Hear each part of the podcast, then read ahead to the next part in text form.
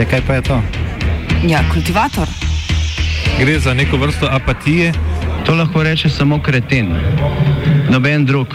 Socialni invalid in ga je ne mogoče urejati. Drugi kandidat. Pa, pa pije, kadi, masturbira, vse kako hoče, lahko počne. Nihče tega ne ve. Vsak petek skultiviramo dogodek tedna. Lahko po kriterijih radio študent, težko pa po evropskih kriterijih.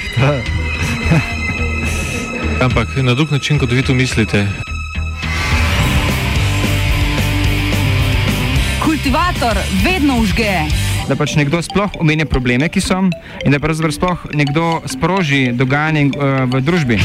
To drži, drži. Ljubljanski stres.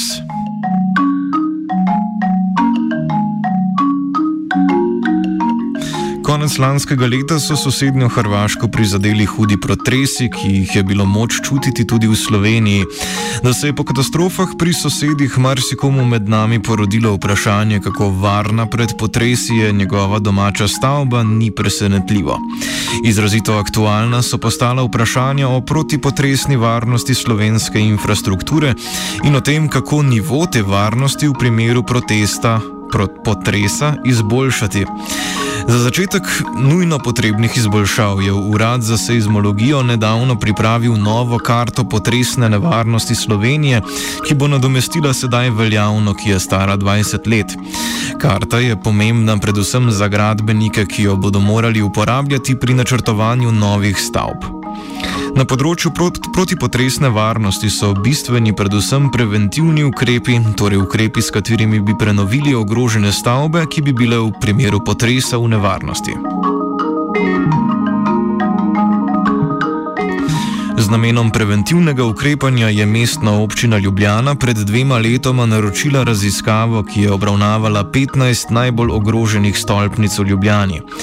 Približno leto dni je minilo, odkar so v javnost prišli rezultati te raziskovalne naloge, v kateri so predstavljene možne protipotresne rešitve. Zaradi slabo odporne potresne gradnje v preteklosti so se bili Zavod za gradbeništvo, Arhitekturni studio Krištof in Filozofska fakulteta Univerze v Ljubljani primorani v raziskavi osredotočiti na trenutno stanje potresne varnosti v Ljubljani.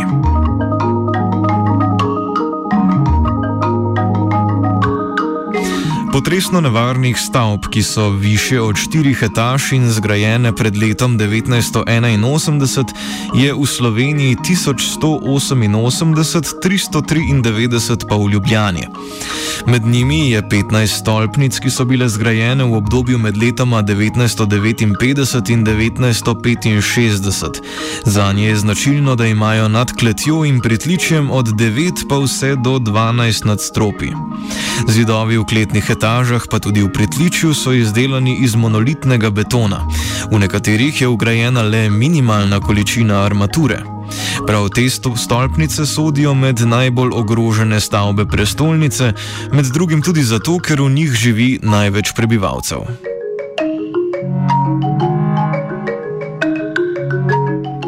Za teh 15 stolpnic so pravili preglede, podrobne analize, v laboratoriju so preizkusili gradbene materijale in zasnovali dva tipa utrditve: utrditev obstoječih konstrukcij ali nadomestna gradnja.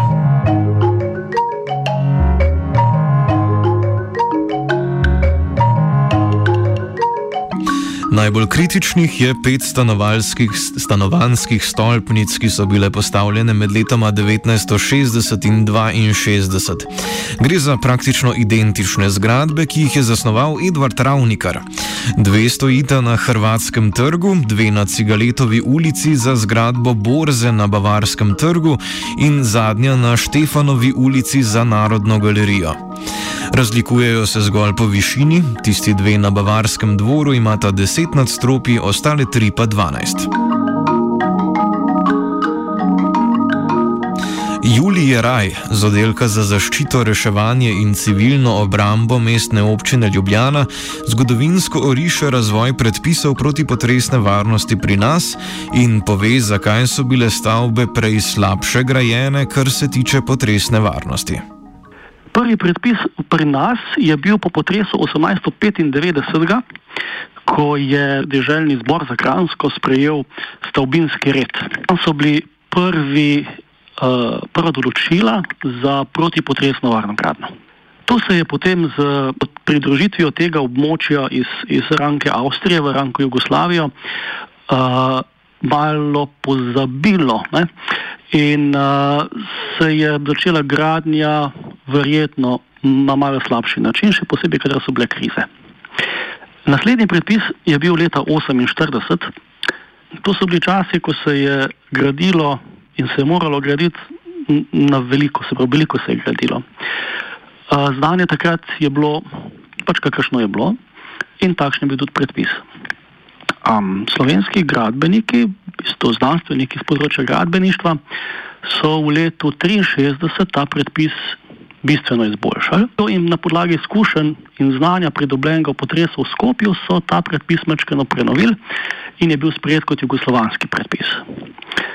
Se pravi, je spet prišel do enega, bi rekel, skoka v znanju protipotresne gradnje in uh, objekti, ki so projektirani po tem predpisu, so boljši kot tisti, ki so bili projektirani prej. Naslednji, bi rekel, skok v v zdanju in v predpisih je bil leta 1981, to je zdaj že po potresu v Črni Gori, naslednji skok je bil leta 2005 in uh, takrat se je uveljavil ko pravilnik o mehansko odporni gradni objektov, se pravi, to je Eurocode. Uh, in uh, ta je bil v souporabi s prejšnjim predpisom od leta 2008 naprej, se pa projektira po Eurocodu 8 in To so pa zdaj objekti, ki so, bi rekel, projektirani po najnovejšem znanju. Velik del stavb iz časa po drugi svetovni vojni, pa vse do leta 1964 je bil zgrajen hitro in površno. Uporabljeni pa so bili tudi slabi gradbeni materiali. Šele po potresu v Skopju leta 1963 so se na slovenskem začeli graditi potresno varni objekti. V Sloveniji do leta 1964 namreč nismo imeli nobenega predpisa o protipotresni gradnji, po potresu v Skopju pa so za celotno jugo. Jugoslavijo začeli veljati novi predpisi.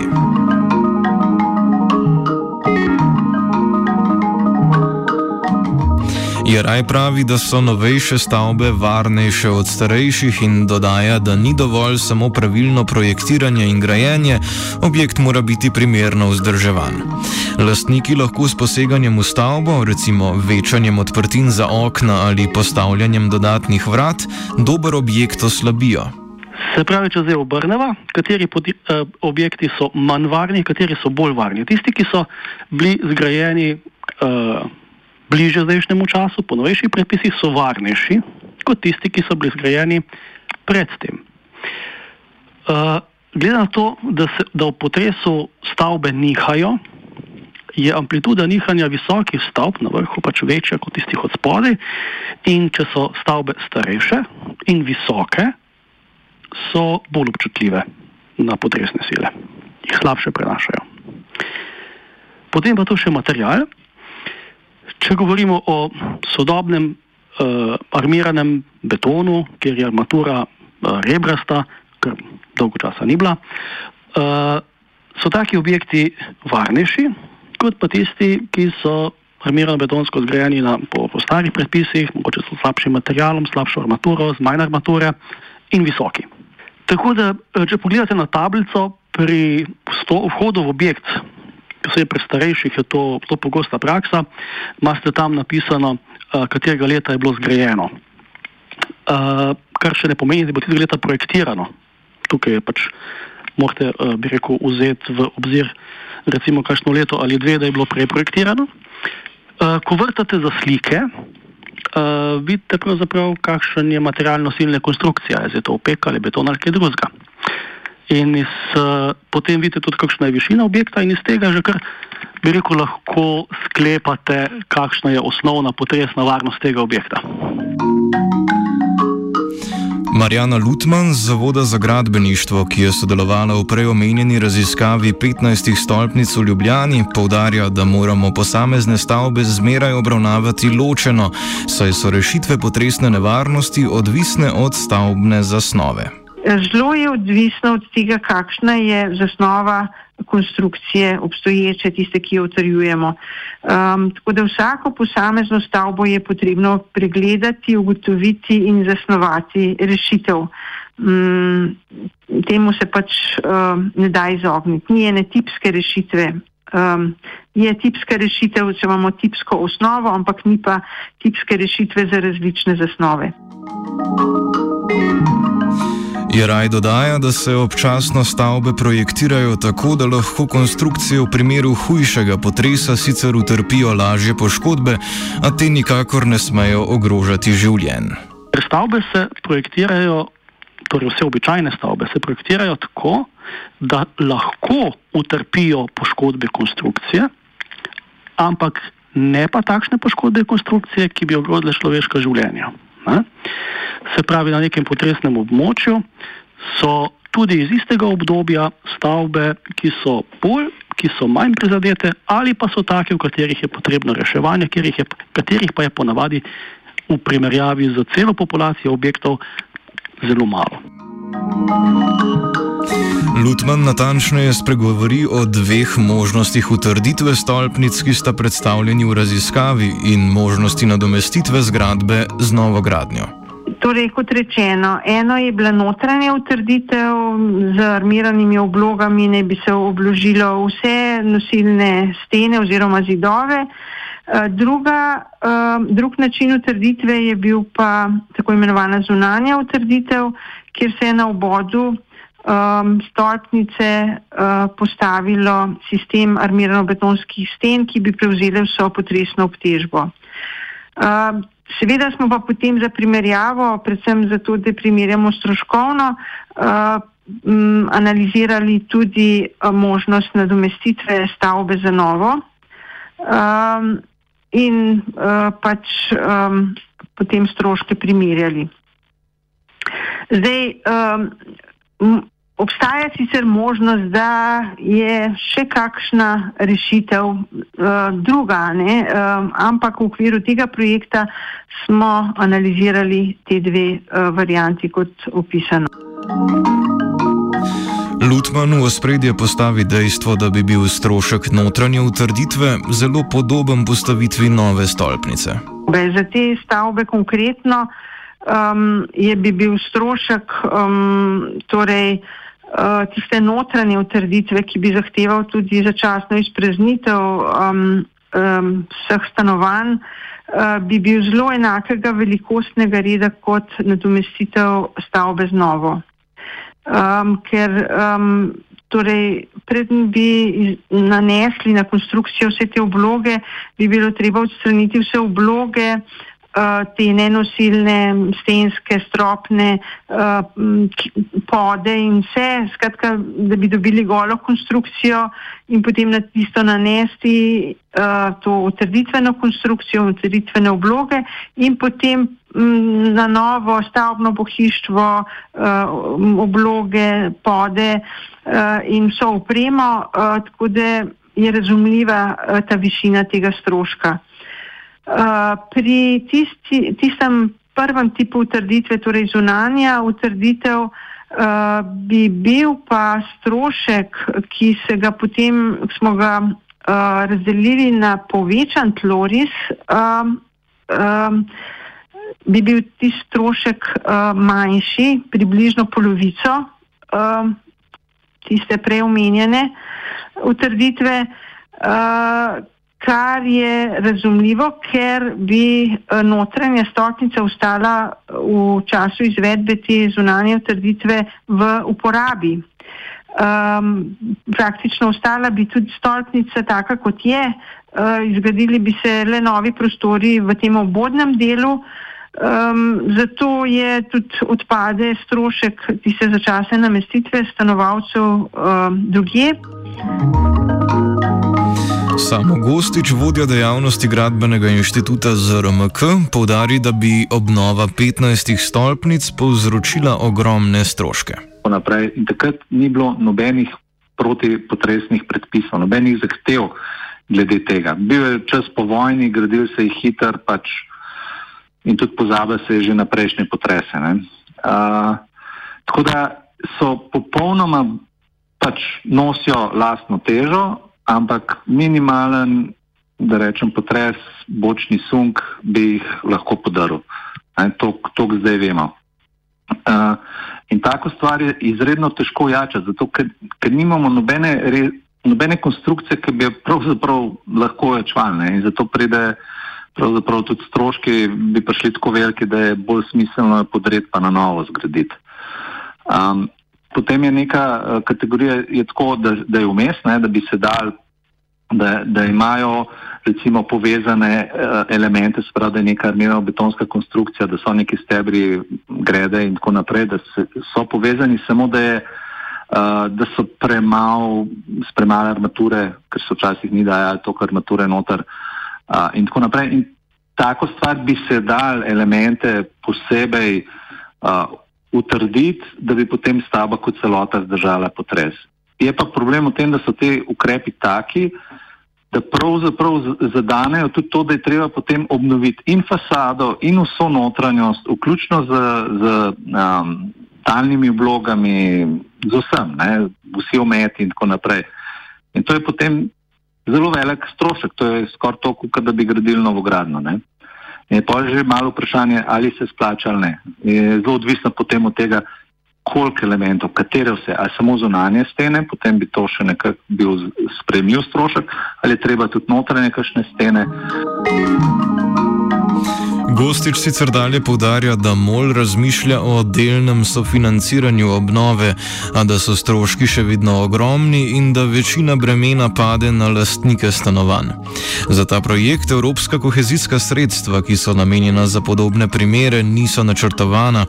Evropska sredstva so v okviru letošnjega načrta za okrevanje in odpornost sicer namenjena tudi protipotresni varnosti, vendar samo za najnujnejše objekte, ki imajo posebno posebno vrednost in ki so v javni lasti. Zdaj, pri teh konkretnih, pri teh blokih, sem kar načeloma sem malo pesimističen, dvomim, da se bo kaj dosti lahko zgodil. Uh, po drugi strani, na kakšnih drugih zadevah prihaja do premikov. Ne? Ne vem, vem, da za mestna občina Ljubljana, da, da se ukvarja s tem, da bi saj plačala en del stroškov uh, ljudem za to, da grejo v potresno prenovo, saj, vem, saj načrte uh, ali pa en del, tako kot so fasade v stari Ljubljani obnavljali, ne, da so neki dal zraven, lasniki so pa tudi en del plačali, ne vem zdaj točno, kakšni so bili procenti. In nekaj podobnega razmišljajo tudi tukaj, da bi šlo. Večkrat mm, je problem v tem, ker so stroški za potresno sanacijo večji, kot samo za obnovo fasade. Na nacionalni ravni nekako zaenkrat ni videti nobenega vira denarja za to vrstne prenove.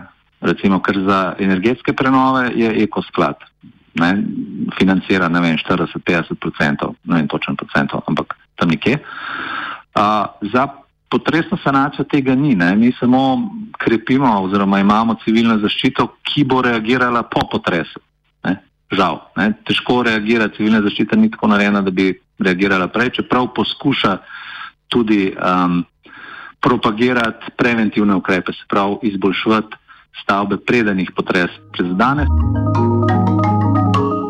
Raziskava, ki jo je pripravil MOL, sicer predvideva, da bi nadomestna gradnja v primeru najbolj kritičnih petih stolpnic stala okoli 8 milijonov in pol za vsak objekt.